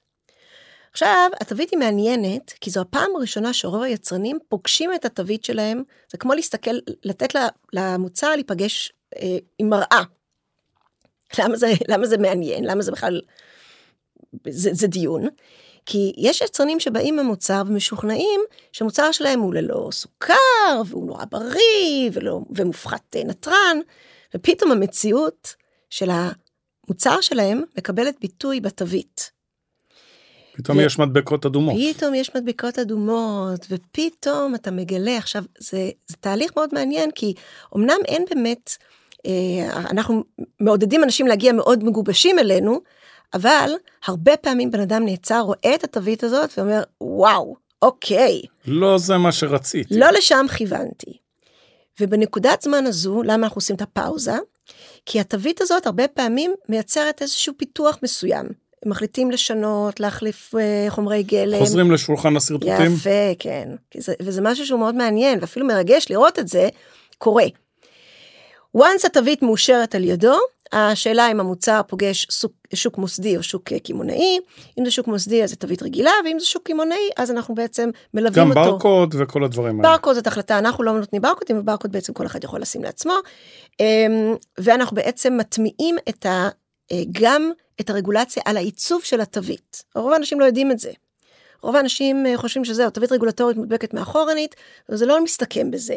גודל אנחנו... הפונט וכל הדברים האלה. גודל הפונט ו claims, אמירות, הבטחות שיש בקדמת האריזה, הרבה פעמים אתה אומר, אה, מוצר, ממוצרים טבעיים. וכל... 아, לא, לא, אוקיי, אני, לא, אוקיי. אומרים, מהללים את המוצר כן, שלהם, כן. לא הכל עובר רגולטורית. כן. וזהו, once סיימנו את התווית, אתה חופשי להגיע לייצר לפי התדירות שאתה זקוק לה, אתה צריך רק להזמין שבוע מראש, אתה מזמין, משריין את המשמרת שלך, חומרי גלם. בוא נדבר רגע על חומרי גלם. היצרן לא יכול להביא את החומרי גלם שלו, הוא צריך לרכוש אותם דרכך למעשה. הוא בדרך כלל רוכש אותם דרכנו, הוא לא חייב לרכוש דרכנו. תחילת הדרך, אה, זוכרת את הסיפור על החזרה בתשובה, אנחנו היינו מאוד מאוד מאוד דווקניים. אה, שאז אני פגשתי אותך כן, במפעל וזה נכון, מה ששמעתי. נכון, נכון. ואמרתי, נכון. מה, אבל אם אני חייב לעבוד עם יצרנים שלך זה בעייתי. לא שהתכוונתי לייצר משהו, אבל להבין את התהליך. אז uh, היום אנחנו הרבה יותר גמישים, לא כי אנחנו, הרגולציה uh, התרככה בכלל, לא ההפך, אבל היום אנחנו, אם יש לך חומר גלם מאוד ייחודי, um, או עם ספק שאנחנו לא עובדים אני לא רוצה שתעבוד עם ספקים שאתה לא רוצה לעבוד איתם. אנחנו באמת פלטפורמה עבורך לייצר את המוצר שהוא שלך. ואז אנחנו פשוט מכתיבים לך איזה אישורים אנחנו נדרשים, אנליזות אם צריך, וכל מיני אישורים שהספק מביא אותם ישירות, אתה לא מביא אותם. כן. ספק מוריד אותם אצלנו. עובר אה, בדיקה וביקורת, כל כמו שצריך. מתאים לרגולציה. בדיוק. אנחנו מנסים להוריד כמה שיותר אחסון? עושים אצלכם אחסון או שגומרים לייצר וצריכים ל- לקחת את כל הסחורה החוצה? האחסון תוצרת גמורה היא בעצם מה שקרה, בגלל המודל שלנו שאנחנו לא מחייבים אותך למינימום. אתה מגיע כמה שאתה צריך, לא מחייב אותך ליצירת מלאים. אז יצרן שמגיע באופן ספורדי, נניח אפילו פעם בחודש, אה, מייצר, תוך 48 שעות מתבקש לפנות, כי לא, לא בסוף משמרת, זה טכנית מאוד בעייתי, אה, ומפנה. יש יצרנים שמגיעים כל שבוע באופן קבוע, ואז אין שום בעיה, יש תחלופה ואתה יכול להשאיר את, ה, אה, חומרי, את התוצרת גמורה. יש את האחסון גם של חומרי הגלם, תוצרת גמורה ואריזות, אז היכולת שלך להשאיר אצלנו חומרי גלם, תוצרת גמורה ואריזות, היא תלוית תדירות ההגעה שלך. אוקיי. היום יש לך כמה עשרות יצרנים שבאים כן. והולכים? איך מסנכרנים את הזמן שלהם? אה, מסובך קצת, לא? קודם כל, אה, ענבל מנהלת המפעל המהוללת שלנו, זאת העבודה שלה. היא בעצם אה, מנהלת את רצפת הייצור, את ה... יחד עם נלי, שהיא יד ימינה, ובעצם הם, הם מנהלות את המפעל באופן שוטף. לצידם יש לנו גם את המנקים, ש... עובדים במפעל ושומרים על הניקיון, כשאתה מגיע אגב למשמרת, אתה מקבל עמדה נקייה, מחזיר אותה נקייה, מנקה את הסביבה שלך, אבל שטיפת הכלים נעשית על ידינו. אני יכול להגיד שנדהמתי שהגעתי לפגוש אותך לפני אי אלו חודשים, כבר עברה שנה לדעתי, איזי, ונכנסתי וראיתי מפעל מצוחצח, מבריק, משולט, כל דבר במקום, ציוד פרסט קלאס, כאילו, נדהמתי, אמרתי, הייתה לי מחשבה בזמנו בשוק הפלאו, לקחת ולהקים איזה מפעל קטן כזה ליצרנים של שוק הפלאו שלא היו להם רישיונות והתחילו וכאלה. נכנסתי, גירדתי בראש ואמרתי וואי הייתי מה זה רחוק מזה. זה זה בית מרקחת אפשר לאכול מהרצפה ופשוט מדהים. קודם כל כיף תודה כיף לשמוע אה, והסיבה לזה זה כי אנחנו מנהלים את הכל מההתחלה עד מקצה לקצה. אמ, גם מחומרי הגלם, כמו שאמרתי, עד הניקיון. הדרישה, אגב, היא דרישה של משרד הבריאות לצורך אה, עקיבות אחרי המוצר. traceability, מה שנקרא. אה, להבטיח שאם חלילה קורה משהו, האחריות היא שלנו, בתוך בדלת אמות המפעל, זו אחריות מאוד מאוד כבדה, אנחנו מתייחסים אליה מאוד ברצינות, וזה חלק מדרישות הרגולציה שיש עלינו. דיברנו קודם על אה, קהילה בהקשר של WeWork. האם היצרנים שנמצאים אצלך בנו קהילה סביב המפעל? או אמ, שאת בנית להם קהילה, או שהם חלק מקהילה? כן, לא, דווקא הקהילה פה קיימת, אבל היא קיימת אה, אה, באופן הכי מקסים, לא בניהול שלנו. זה אחד הדברים שאני גאה בהם. אוקיי. אנחנו לא מפעילים אותם, אין לנו כאן אירועי הפעלה כאלה ואחרים. אה, ויחד עם זאת, בחנוכה, אה, אחד היצרנים הביא חנוכיה וארגן הדלקת נרות. אני אפילו לא הייתי במפעל באותו יום, שזה אחד, אחד הרגעים היותר מרגשים שהיו לי במפעל, לראות שדבר כזה קרה מעצמו. מה שזה אומר זה כמה דברים. קודם כל, אנשים מרגישים שזה המפעל שלהם. הם מרגישים בבית. זה, אתה, יש לי צממות, אני מדברת על זה, וזה ממש מרגש אותי. כי מעבר לאובייס של לייצר את המוצרים שלך ולצאת עם רגולציה והכל, העובדה שאנשים רואים את המקום הזה כבית שלהם, הוא, הוא מאוד משמעותי. אה, בפורים עכשיו עוד שתי בנות ארגנו נשף פורים, דאגו שכולם יגיעו, דאגו שכולם יביאו כיבוד. ביקשו מאיתנו כ-make it שנביא משהו גם, זאת אומרת זה היה נורא מצחיק, אנחנו היינו כאחד הדמויות במפעל אה, ולא אנחנו ארגנו. לא לשם התכוונתי, התכוונתי למקום של לחלוק צלם, להביא צלם שיעשה יום אה, עבודה לכולם, לחלוק ערוצי שיווק ודרכי שיווק ואינסטגרם ופייסבוק ולפרגן אחד לשני ולעשות דברים ביחד ולמכור ביחד. זה קורה? זה קורה. יש עולמות שנושקים, של מארזים שיכול להיות של אה, אה, מישהו שמייצר אה, פרלינים, ש, שהתחבר למישהו שעושה קוקטיילים, למשל. אה, היה יצרן... מותר לעשות אצלכם אלכוהול? קוקטיילים מבוקבקים, בטח, okay. זה אוקיי. אחד מהרחבות שלנו שאנחנו הוספנו. לא, כי האמת שפנו אליי שני חבר'ה שחיפשו ולא ידעתי שאני יכול לשלוח אלייך. אצלנו אפשר, okay. אצלנו. אפשר, ותמיד תאתגרו אותנו. אם זה לא בשר עופות דגים, תנו לנו צ'אנס, גם אם אי אפשר היום, אפשר להרחיב את זה ולאפשר את זה. זה אחד מהיתרונות שלנו, שלנו במייקי, שאנחנו מסוגלים לעשות את זה בצורה להוסיף לא, דברים. טוב קוקטיילים מבוקבקים זה אחד, ה, אחד המוצרים. אה. מגיעים אליי המון חבר'ה בכל מיני שלבים לשאול אותי שאלות, וזה כיף גדול, אני נורא נהנה מזה. זה יופי, אז בטח, ש, ש, תמיד שינסו אותנו. אה, זה היה אחד. אה, מקרה אחר היה שמישהו הקים דוכן, הוא מכר בעצמו בדוכנים, והיה לו הרבה יותר קל פתאום לפנות לכל מיני יצרנים שהצטרפו לדוכן שלו בשוק. כי, כי זה דבר אחד לנסות למכור מוצר אחד, דבר אחר, למכור תמהיל מוצרים, מגוון. זה היה נורא יפה, והיה שיתוף פעולה מקסים, והם התארגנו עם עצמם ו- ועשו דוכן שבו מכרו באיזה יום שישי, זה היה ערב חג, אה, ראש השנה. אמ, מי הבחור עם המלח שמכר בשוק כן, הנמל? אייל, אייל, אייל, כן. אייל, זהו, שכחתי את שמו. אמ, ויש כל מיני שיתופי פעולה, אני יכולה להגיד לך דברים אה, כמו אה, ההובלה, הובלה בקירור. אז אפשר לחלוק, אם מגיעים ליעדים דומים, אפשר לחלוק, אנחנו לא דואגים להובלה, אבל אנחנו כן מחברים, וכל מיני חבר'ה שהביאו לנו, אנחנו גם מאוד נעזרים ביצרנים, כי אנחנו, לא כל, לא כל האמת נמצאת אצלנו, ולא כל העובדות ולא כל הידע. אז הרבה פעמים אנחנו פוגשים כל מיני, אם זה יכול להיות uh, יועץ ביטוח, וזה יכול להיות uh, מישהו שעושה את השינוע, שהגיעו אלינו דרך היצרנים, ואנחנו מעבירים את זה הלאה ביניהם. שלא לדבר על זה שהם כל יום אתה מגיע ואתה פוגש מישהו אחר, לא בהכרח אם אתה מייצר יומיים כן, ברצף, ברור. או פעם בחודש. בדיוק בגלל זה אני לא חושב שאתם ווק, כי אתם נותנים מעטפת שמתערבת בצורה משמעותית ומשפיעה מאוד על היצרן, ווק נותנים את המתחם. הנה יש לך רוחב פס ויש לך מטבחון ויש לך ויש לך ויש לך, אבל אין לך את העטיפה הזאת שעוזרת לך לבנות את הסטארט-אפ שלך. ואם אנחנו מדברים על סטארט-אפ זה מרים לכיוון הפודטק. שזה גם תחום שאני יודע שאת נוגעת בו. נכון, אמ, לגמרי, יש לנו פה לנו... דוגמה. כן, זה... של חברה... מנה חמה טבעונית. אוי, אל תקרא לזה ככה, הם יכעסו. אבל זה אה, מנה מוכנה, מנה בריאה, מוכנה לאכילה, שמגיעה יבשה, מקופסלת. אה, קודם כל היא מהממת. זה הגיע... אני מוכרח להגיד שראיתי אותה, אה, כשישבנו בחוץ ואכלנו אותה בחוץ, כי לא יכולנו פה להפעיל מיקרו, בתוך השידור, והסתכלתי על זה בחשדנות רבה. קודם כל זה שלא היה חלבון מהחי בפנים, לי זה קצת מוריד, אני מודה, לא כולם מושלמים, אה, אבל זה נראה מדהים, והוצאנו את זה והסתכלנו על זה, וזה נכנס למיקרו. והסתכלתי על זה בחשדנות רבה מאוד, ונתתי לרז בעל האולפן לטעום, הוא טבעוני, והוא נתן לי אישור ואמר לי, אתה יכול גם, וזה היה נורא טעים. ממש. זה היה ממש טעים. ממש.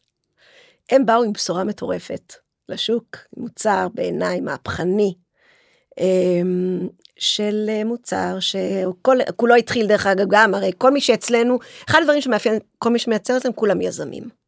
כולם יזמים, כל מה, מהיצרן האופה ועד הפודטק הם כולם יזמים. שהופך את זה נורא נורא כיף כי זה מאפיין את כולם במידה כזו או אחרת. המוצר הספציפי הזה של אה, חברת הנינה, אמ, זה דוגמה ל-GMP שדיברנו עליו קודם. זו חברה שבאה אלינו, רצתה פלטפורמת ייצור, היא באה בעצמה מחממה אה, שהיא, The Kitchen, אה, חממה ש... של שטראוס. ו- שטראוס, כן. אה, והם הגיעו לשלב פיתוח שכבר רצו לעשות את ה-proof of concept, ה-POC שלהם, אה, אבל עם רישיון יצרן. הרי אתה יכול זה עד... פטנטבילי? זה פטנט מה ש... זה אכלתי פטנטבילי, פה? מה שכן, זה מוצר עם פטנט, כמו גם יצרנים נוספים אחרים שאצלנו, שהבינו, אה, שאלת בהתחלה מי הלקוחות, אז הלקוחות יכולים באמת להיות מכל הגוונים והסוגים. אז אותו, אותו יצרן, אה, אה, נקרא לו במרכאות רגיל, שמייצר מוצר שהוא אה, אפייה קונדיטוריה, או רטבים, או קוקטיילים, שזה ב, ב, ב, בעולמות שלנו משהו רגיל. זה יכול להיות חברת פודטק שחייבת פלטפורמה שיודעת לתת להם רישיון יצרן, אבל בלי שום עניין או רצון, לפחות בשלב זה, להקים מפעל משל עצמם. לא דיברנו על מה זה אומר להקים מפעל, אבל להקים מפעל... נגמור את הפודטק ונעבור למפעל. אז הם בעצם יכולים לבוא אלינו ולעשות את הבדיקת היתכנות שלהם ולפגוש שוק לדוגמאות ולמכירה ולבדוק איפה, איפה זה פוגש את השוק בלי להיכנס לעלויות מטורפות. המוצר הזה כבר אה, נמכר? הוא, הוא, הוא, הוא, הוא, כן, הוא לקראת מכירה ראשונית, הם אה, צריכים להגדיל את... הם- אני רוצה אותו לפודשופ. אני אני אחבר ביניכם. האמת שנעצור שנייה, פודטק, הגיע הזמן להקים אה, מחלקת make it בפודשופ. האתר שלי שהוא אה, פלטפורמה לקולינריה מקומית, הכי מתבקש בעולם, אני לא מבין איך לא עשינו את זה עד עכשיו. מהמם, קבל את זה אנחנו- כסגור. אנחנו צריכים, יאללה. אחרי השידור. מעולה. חזרנו לפודטק, סליחה. אוקיי, אז בעצם הם, כמו חברות נוספות, אה, אה, שאני בוחרת לא להגיד את השמות שלהם, כי לא קיבלתי את רשותם, ויש לנו, אנחנו חתומים פה על אה, אה, בסודיות, אם אנחנו יודעים לעמוד מאחורי סודיות, זה משהו שהוא מאוד מאוד חשוב, כי זה כאילו עולם שיתופי שמאוד מדאיג חברות, אבל כן אנחנו יודעים אה, בוודאות לשמור בסודיות מוחלטת על המתכונים. נכון, החלל הוא שיתופי, אבל אה, that's the name of the game. אז כמוהם יש, אה, יש לנו חברות נוספות. יש דבר נוסף, ש, או עסק נוס, סוג נוסף של עסקים שהוא מעניין גם לדבר עליו, שהוא אה, מסעדות, שיש להם מספר סניפים, שבמקום שכל סניף ייצר עבור עצמו, הם באים לייצר אצלנו. ואנחנו משמשים במ... כמעין משהו שמונח שנקרא מעין Ghost Kitchen, מטבחי רפאים, כי אתה במקום אחד בצורה מאוד יעילה, עם סטנדרט קבוע, מייצר במ- במפעל עם רישיון עבור נקודות המכירה שלך. הגדולה שבזה זה שנקודת המכירה יכולה להצטמצם למינימום ברמת חמי מגש, ובמקום שתחזיק מפעל בכל נקודת מכירה, אתה מייצר במקום אחד אה, בצורה אחידה, מחלק לסניפים, מחלק לסניפים. שולט על הכמויות. לא- לא אותם אנשים שמייצרים את החומר גלם הם בהכרח האנשים שיודעים גם למכור. זאת אומרת המישמש הזה שהרבה פעמים קורה בסניפים שאתה מערבב אותם, הוא, הוא לא נכון, הוא לא יעיל והרבה פעמים לא כלכלי. אמ, זה איזשהו, זה, מי שמכיר את עולמות ה-Ghost Kitchens, אז אנחנו לא Ghost Kitchen במובן הקלאסי, אבל אנחנו יודעים להיות גם Ghost Kitchen. אה, זה עסק נוס, סוג אחר של כן, עסקים. אבל לא, לא כקייטרינג רגיל עבור שמוציא מוצר. לאירועים, אלא כייצור הבצקים מסודר. בעיקר, זה יכול להיות אוקיי. אה, פסטות ולחמים, ו... אז למעשה באים אלייך בשלב שבו לא יודעים אם אפשר לייצר כמויות. להקים מפעל זה סיפור מאוד יקר, מאוד מסובך. מה זה להקים מפעל בעצם? מפעל מזון. אז אני רוצה, יש לי קרקרים או קרק פאי או שוקולד. אם הייתי רוצה להקים מפעל מזון, מה הייתי צריך לעשות? אז אה, קודם כל צריך למצוא מקום גיאוגרפי שבו אה, אזור שהוא אזור תעשייה. למי שתוהה או מתלבט, לא, הבית לא יכול להיות מפעל, ולא, הבית לא יכול להיות מחסן, אה, חייב להיות באזור שמוגדר כאזור תעשייה. צריך שיהיה במבנה המדובר את התשתיות עליהן דיברתי בתחילת הדרך. כל אחד לפי כסף. סוג המוצר שלו לא, ולפי תשתיות- הפרשייה שלו. כן, כן, אבל לא, לא, אני מדברת על התשתיות של הברות שומה, ניקוזים, עניינים, סיפורים, זה... אמ, צריך אמ, בעצם להגיש בקשה לרישיון עסק קודם, כי צמוד שטח גיאוגרפי. אם אתה מפעל בתחום המזון, אתה בעצם חייב גם באישור של אה, משרד הבריאות. ומחוז משרד הבריאות הוא תלוי האזור הגיאוגרפי, יש אה, משמעות מאוד מאוד גדולה לזה, אני, אני יודע, כן. עברתי את זה. אוקיי, אז לא בשווקי דין, המזון ראיתי איך כל אזור יש לו כללים אחרים. כן, אז מאוד אותו מאוד חוק, מאוד, פרשנות אחרת. יפה, אז מאוד מאוד מאוד מאוד צריך, כדאי, לפני שמתחייבים בשכר דירה למקום לשלוש שנים, לוודא שהמחוז הרלוונטי של משרד הבריאות אה, יקבל אותך באופן שיאפשר לך לייצר את מה שאתה רוצה לייצר, זה משהו מקדמי. אה, ואז אתה בעצם אה, מתקשר בהסכם אה, שכירות שלאף אחד לא יזכיר לך שטח פחות משלוש שנים, כי יש כאן השקעות מאוד מאוד מסיביות גם בבינוי. אה, ואז אתה נכנס לעלויות בינוי, צריך יועצים, יועץ רישוי, יועץ אינסטלציה, יועץ אה, אה, קונסטרוקטור ובינוי וכל מה שכרוך בסיפור הזה, ואז עלויות מאוד מאוד ואז גדולות. בא משרד הבריאות ואומר, זה לא טוב, אה, תעשה לא, ככה, וזה לא. טוב, תעשה ככה, וזה לא טוב, במקרה תעשה ככה. שטוב, הגשת את זה לפרה-רולינג למשרד הבריאות, ועשית את זה יחסית בסדר, וגם אז יש שינויים כאלה תהליך ואחרים. שכמה זמן לוקח בערך עד שמקבלים את הרישיון המיוחל. אה, אם ממש מזדרזים, אם לא, זה היה כמה חודשים לוקח, אה, הייתי אומר שלושה חודשים, לא כולל, ה- ה- ה- ברגע שהתחלת לבנות. יש לך כמה חודשים לפני התכנון על הנייר, אני מכיר, ההגשה, אה, רוב אלה שאני מכיר שנתיים, שלוש, קדימה, אחורה, קדימה, אחורה. יכול להיות, זה מאוד משרד תלוי מה, בריאות, כמה, אבל אוקיי. Mm, לא יודעת, מכירה חוויות קצת אחרות, אבל ה- מה שקורה שיש לך מפעל, הרבה פעמים אתה פותח ועוד לא קיבלת את הרישיון והתחלת להפעיל, שזה גם אה, זה עולמות אחרים ש, שקיימים גם, אבל, אבל, סתם סדר גודל העלות. למי שרוצה לעשות עוגה, קרקרים או שוקולד, כמה סדר גודל צריך להשקיע, אז- אני לא מדבר על מפעל ענק ש... אני אתן לך את העלויות למפעל של 100 מטר שמייצר, שהוא אופה, בסדר? אוקיי. מאפייה. מאפייה 100 מטר, שלוקחת בחשבון את עלויות ההקמה, התכנון, הבינוי, ההתחייבות לשלוש שנים, כי חייבים לקחת את זה בחשבון, כי אין פחות, הביטחונות, עלויות השוטפות אה, של התפעול, בלי שהתחלת לייצר משהו, אתה לא התחלת בפחות משלושה מיליון שקל, אני יכולה להראות לך את הנייר אוקיי. עבודה שלי, אוקיי? שזה אומר שחלק לא קטן מהיצרנים שמגיעים אלייך, אין להם בכלל שאיפות להיות שם. הם רוצים לייצר קרקרים בצורה מסוימת, להתפרנס, להתפרנס יפה אני מקווה, ולהשקיע שלושה מיליון זה לא הסדרי זה לא גודל. באג'נדה, אלא אם כן הם אצלנו, הם גילו שיש להם פיצוח מאוד מאוד מעניין, והם, הם, יש להם הצדקה להקים את כי המפעל. היום יש שתי אפשרויות, יש אפשרות אחת, לבוא, שלוש, לבוא אליכם לייצר, אפשרות שנייה זה להקים מפעל, אפשרות שלישית זה למצוא יצרן שמייצר עם רישיון, שיעשה להם לייבל, שיעשה להם מוצר שלהם, אבל אז הם נכנסים לדרישת אה, מינימום של כמויות, ופחות נמצאים בייצור, וזה לא תמיד בדיוק מה שהם קיוו. נכון, אבל אני רוצה להגיד שלי. משהו על זה. כי זו חלופה, מה שאתה דיברת עליו עכשיו, ה-private label, זו חלופה שקיימת. וחלופה של יש יצרנים שזה מאוד מתאים להם. חייבת לשים את זה פה על השולחן, כי ברור, ברור. זו חלופה שהיא יכולה להיות זה טובה. איפה הבעיות? חלופה- באים אלינו חבר'ה שעשו private label, עשו להם private label, והם באים אלינו מאחת מכמה סיבות. או שנדרשו למינימום כמויות, שאצלנו אין את הדרישה הזאת. או וזה מינימום לא קטן, לפעמים עם תוקף קצר של מוצר, פרובלמטי. אפשרות, סיבה נוספת זה שאתה לא יכול להיות הידיים העובדות. הם מייצרים עבורך. והרבה פעמים, במיוחד אצל יצרנים הארטיזנליים, אה, נמצאת כאן גם למשל אה, אחד אחד מותג אה, של ענת גרוסמן, שמייצרת קרקר, יש כאן יד. רגע, זה לא קרקר? משהו שמישהו ייצר עבורה, כי כל הסיפור פה זה היא. הנה עכשיו שומעים את הקרקר. הנה, סוף סוף מצאת את המוצר שלך. ובמקרה כזה, private label זה לא נכון בשבילה. היא לא באה, לה, היא, היא, היא, היא היצרנית, אז זה לא יכול להיות פתרון. ובעיה נוספת שהרבה פעמים קורית, זה ברגע שהמוצר יוצא מהידיים שלך, ואתה לא מפקח באמת על, ה, על חומרי הגלם, ומה שקורה, אה, אפס לפעמים, אתה לא מקבל את מה שקיווית לקבל. וסיבה אחרונה, וקורית הרבה פעמים, זה שהם מוצאים שגונבים להם אה, את ה-IP שלהם על המוצר.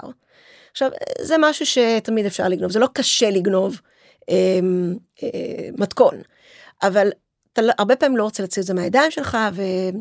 אבל, אבל עדיין אני, אני לא פוסלת את זה, כי אני חושבת שעבור יצרנים בסוגים מסוימים, זה, זה פתרון מצוין. כלומר, אם באים אלייך, יודעים שייצור יעלה, נלך אחורה רגע. אם יש לי חלום לעשות אגוזים אה, מתובלים, וכולם אמרו לי שזה נורא טוב, יש איזה משפט שאת אומרת להגיד אה, FFF, תכף תסבירי מה זה, אבל בעצם גם אם גיליתי שאני טועה, אז הוצאתי 10, 20, 30 אלף שקל, וגיליתי שאני טועה ולא נכנסתי להשקעה ולמשקיעים ולהלוואות ולהתחייבויות שמגיעות למיליונים. יש uh, משפט שהוא חרוט אצלנו, do better what you do best. איזה מבטא דרום אפריקאי, וואו. תעשה את מה שאתה מבין בו. התחלת בהתחלה, בהתחלה אמרת לי, אה, את באה מעולם קולינרי. לא, אני לא באה מעולם קולינרי. מה זה לא FFF? יודעת לאפשר. FF&F זה, זה Friends, Family and Fools. או מישהו כאן סיפר לי, נתן לי גרסה חדשה, קניתי אותה, Friends, Family and פריירים. מעולה. זה אנשים שיגידו לך שהמוצר שלך מעולה. אה, מכל מיני סיבות, או כי משפחה וחברים ואוהבים אותך ובאמת מאמינים בזה. או אנשים שלא באמת מבינים, אבל האמירה של כאלה שמנחים אותך ואומרים לך, צא לדרך, תקים מפעל, וואו, איזה מוצר מדהים, זה סיכון מאוד מאוד גדול. כי אני מאמינה שמוצר שווה משהו כשמישהו מוכן לשלם עליו. ומי שיהיה מוכן לשלם עליו, אה, זה מישהו ש... ובאמת לאורך זמן ובאופן מקצועי, זה מישהו שידרוש ממך גם רישיון יצרן. עכשיו. אני רוצה רק משפט אחד אחרון, אני חושבת על הנושא של מהי הצלחה במייקית ליצרן. דיברתי על הצלחה מסוג אחד כשדיברתי על החבר'ה של הקרק ביי. אבל הצלחה אחרת זה אלה שהם נכשלו, שזה נשמע קצת אה, מוזר שאני אומרת את זה, אבל תתאר לעצמך מישהו בא למייקית, בטוח שיש לו מוצר פצצה, פוגש שוק ומגלה שזה לא נכון. יש לו מלא מלא קרטונים בבית של מוצר, שהזמן רץ, הוא פג תוקף, לפח, אבל הנזק הוא מוגבל מאוד. הנזק הוא, הוא, הוא מקומט בסכום שאפשר לבלוע אותו, וזה לא מקריס אף אחד. ולהגיד, ניסיתי והגעתי למסקנה שזה לא נכון, זה, זה מדהים. עכשיו, אתה יודע מה עוד זה עושה? זה נותן הזדמנות לכל מיני אנשים שאומרים, הייתי נורא רוצה לנסות, אבל אני לא מוכן ללכת על שלושה מיליון שקל כדי להקים מפעל. אבל בוא נמצה ונמקסם את הרצון העז שלי לנסות את זה, בידיעה שאולי זה ייכשל. אבל אתה מבין שפתאום נפתח, נפתחה כאן הזדמנות, או חלון הזדמנויות, לנסות משהו שבעולם אחר זה לא היה בכלל מתאפשר. וזה משהו שהוא מאוד יפה. עכשיו, הרבה פעמים אנשים מתחילים עם משהו ומגלים שהם טעו, אבל ההזדמנות להתנסות הוביל אותם למשהו אחר שהוא כן נכון עבורם. איפה מייקי תהיה בעוד כמה שנים? איך הוא ייראה? אמ, קודם כל, כמו שאמרתי קודם, מה שאני אומרת היום זה לא מה שאמרתי לפני שנה, אבל לא יודעת מה נגיד בעוד שנה. אוקיי. אבל אם היום אני נשאלת, כן, אבל צריך לתת כן, כן, עתיד ברור, כדי ברור. להבין, אני חושבת בדרך. שהמדינה שלנו יכולה וצריכה, אמ, אני מקבלת פניות דרך אגב מכל הרשויות, מכל הארץ, להקים מייקיטים מחברות כלכליות נו, ומרשויות. תעשי אצלנו בגליל. זהו, אז הפני, האפשרות אחת זה הגליל, המקומות לדעתי שצריכים לפתוח זה הגליל, זה נדל"ן יש לך ירושלים. כבר שם. כן, גם אפשר המפעל לעשות את זז ברור, יאללה. אפשרות, יכול להיות. אה, אז הגליל זה יש לי יצרנים שיבואו אגב, ברצינות, בשיא יאללה, אז יש לנו הרצינות. מה לדבר אחרי התוכנית. נתתי לך לטעום את החרדל של אה, מעולה, גלעד, פרא. נכון? מהמם, מהמם, מוצר מעולה. סתם דוגמה אחת. מעולה. אז, אז זה בהחלט הזדמנות אחת, זאת אומרת, זה יכול גיאוגרפית להיות בכל הארץ, אבל זה גם יכול להיות לא רק גיאוגרפית, אלא גם קונספטואלית. כלומר, לנו אין בשר עופות דגים במייקית. את רואה את בראשון, עצמך מקימה עוד אחד? אה, אני רואה את מייקית מתרחבת, והמודל חייב להיות, אה, אני, אני צריכה לעשות את זה עם עוד אנשים שילוו, כי צריך, זה מסוג הדברים שצריכים להיות, המדינה, זו השקעה כל כך חכמה. אתה יודע, שאלו אותי למה המדינה לא השקיעה, או אנשים מופתעים שהמדינה לא השקיעה. יש לי על זה להגיד שני דברים.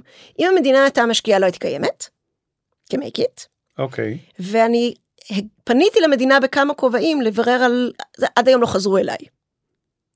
אוקיי. אז עניתי לך על השאלה לגבי המדינה? אה, כן, אז אוקיי. זה אז זה המודל- מדינה. כן, זה מדינה. אז uh, המדינה, יכול להיות שעכשיו שהמודל הוא מפוצח, כן אפשר לקחת את זה לכל מיני מודלים של שיתופי פעולה אה, עם הגורמים המתאימים והנכונים, זה בהחלט אופציה, ואין לי ספק שיש לזה מקום והצדקה, וכן, אני מאמינה שמייקית אה, תמצא את עצמה בעוד מקומות בארץ. לסיכום אני רוצה להגיד כמה דברים. אחד, הבטחת לי שמקימים אה, מחלקת מייקית בפודשופ. שתיים, אני גם רוצה לעשות אה, סיור במייקית לחבר'ה של אה, הקהילה של קולינריה מקומית.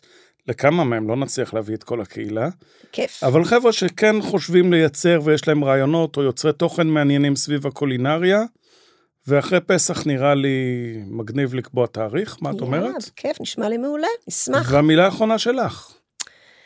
אמ, שאני שמחה מאוד על ההזדמנות הזאת לשבת פה אה, פודקאסט של קולינריה מקומית, כי, כי זה כל כך מדבר make it, ו-make it כל כך מדבר קולינריה מקומית. אה, זה עולמות שנושקים, אני מברכת על ההזדמנות הזאת ותודה. אה, ואני מחכה כבר לשמוע את הבאים אחריי, זה ממש מסקרן. המון המון תודה, יש ליינאפ מדהים אגב, אנשים, כל אחד בתחומו, זה פשוט מרגש כל פעם מחדש. לא, אני שמעתי כמה דברים מדהימים עד עכשיו, וכיף, תודה רבה. תודה, תודה. להתראות. להתראות.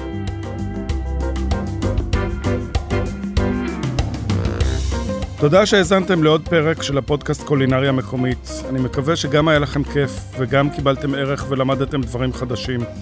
אם אתם אוהבים קולינריה ונהניתם, אתם מוזמנים להירשם למעקב. אם יש לכם מה להגיד, לספר, אורחים שאתם חושבים שכדאי לראיין לפודקאסט, אתם מוזמנים ליצור קשר דרך קהילת הפייסבוק של קולינריה מקומית, להשאיר לי הודעה פרטית או דרך האתר פודשופ, ואני אשמח להגיב, לארח ולשמח את כולנו.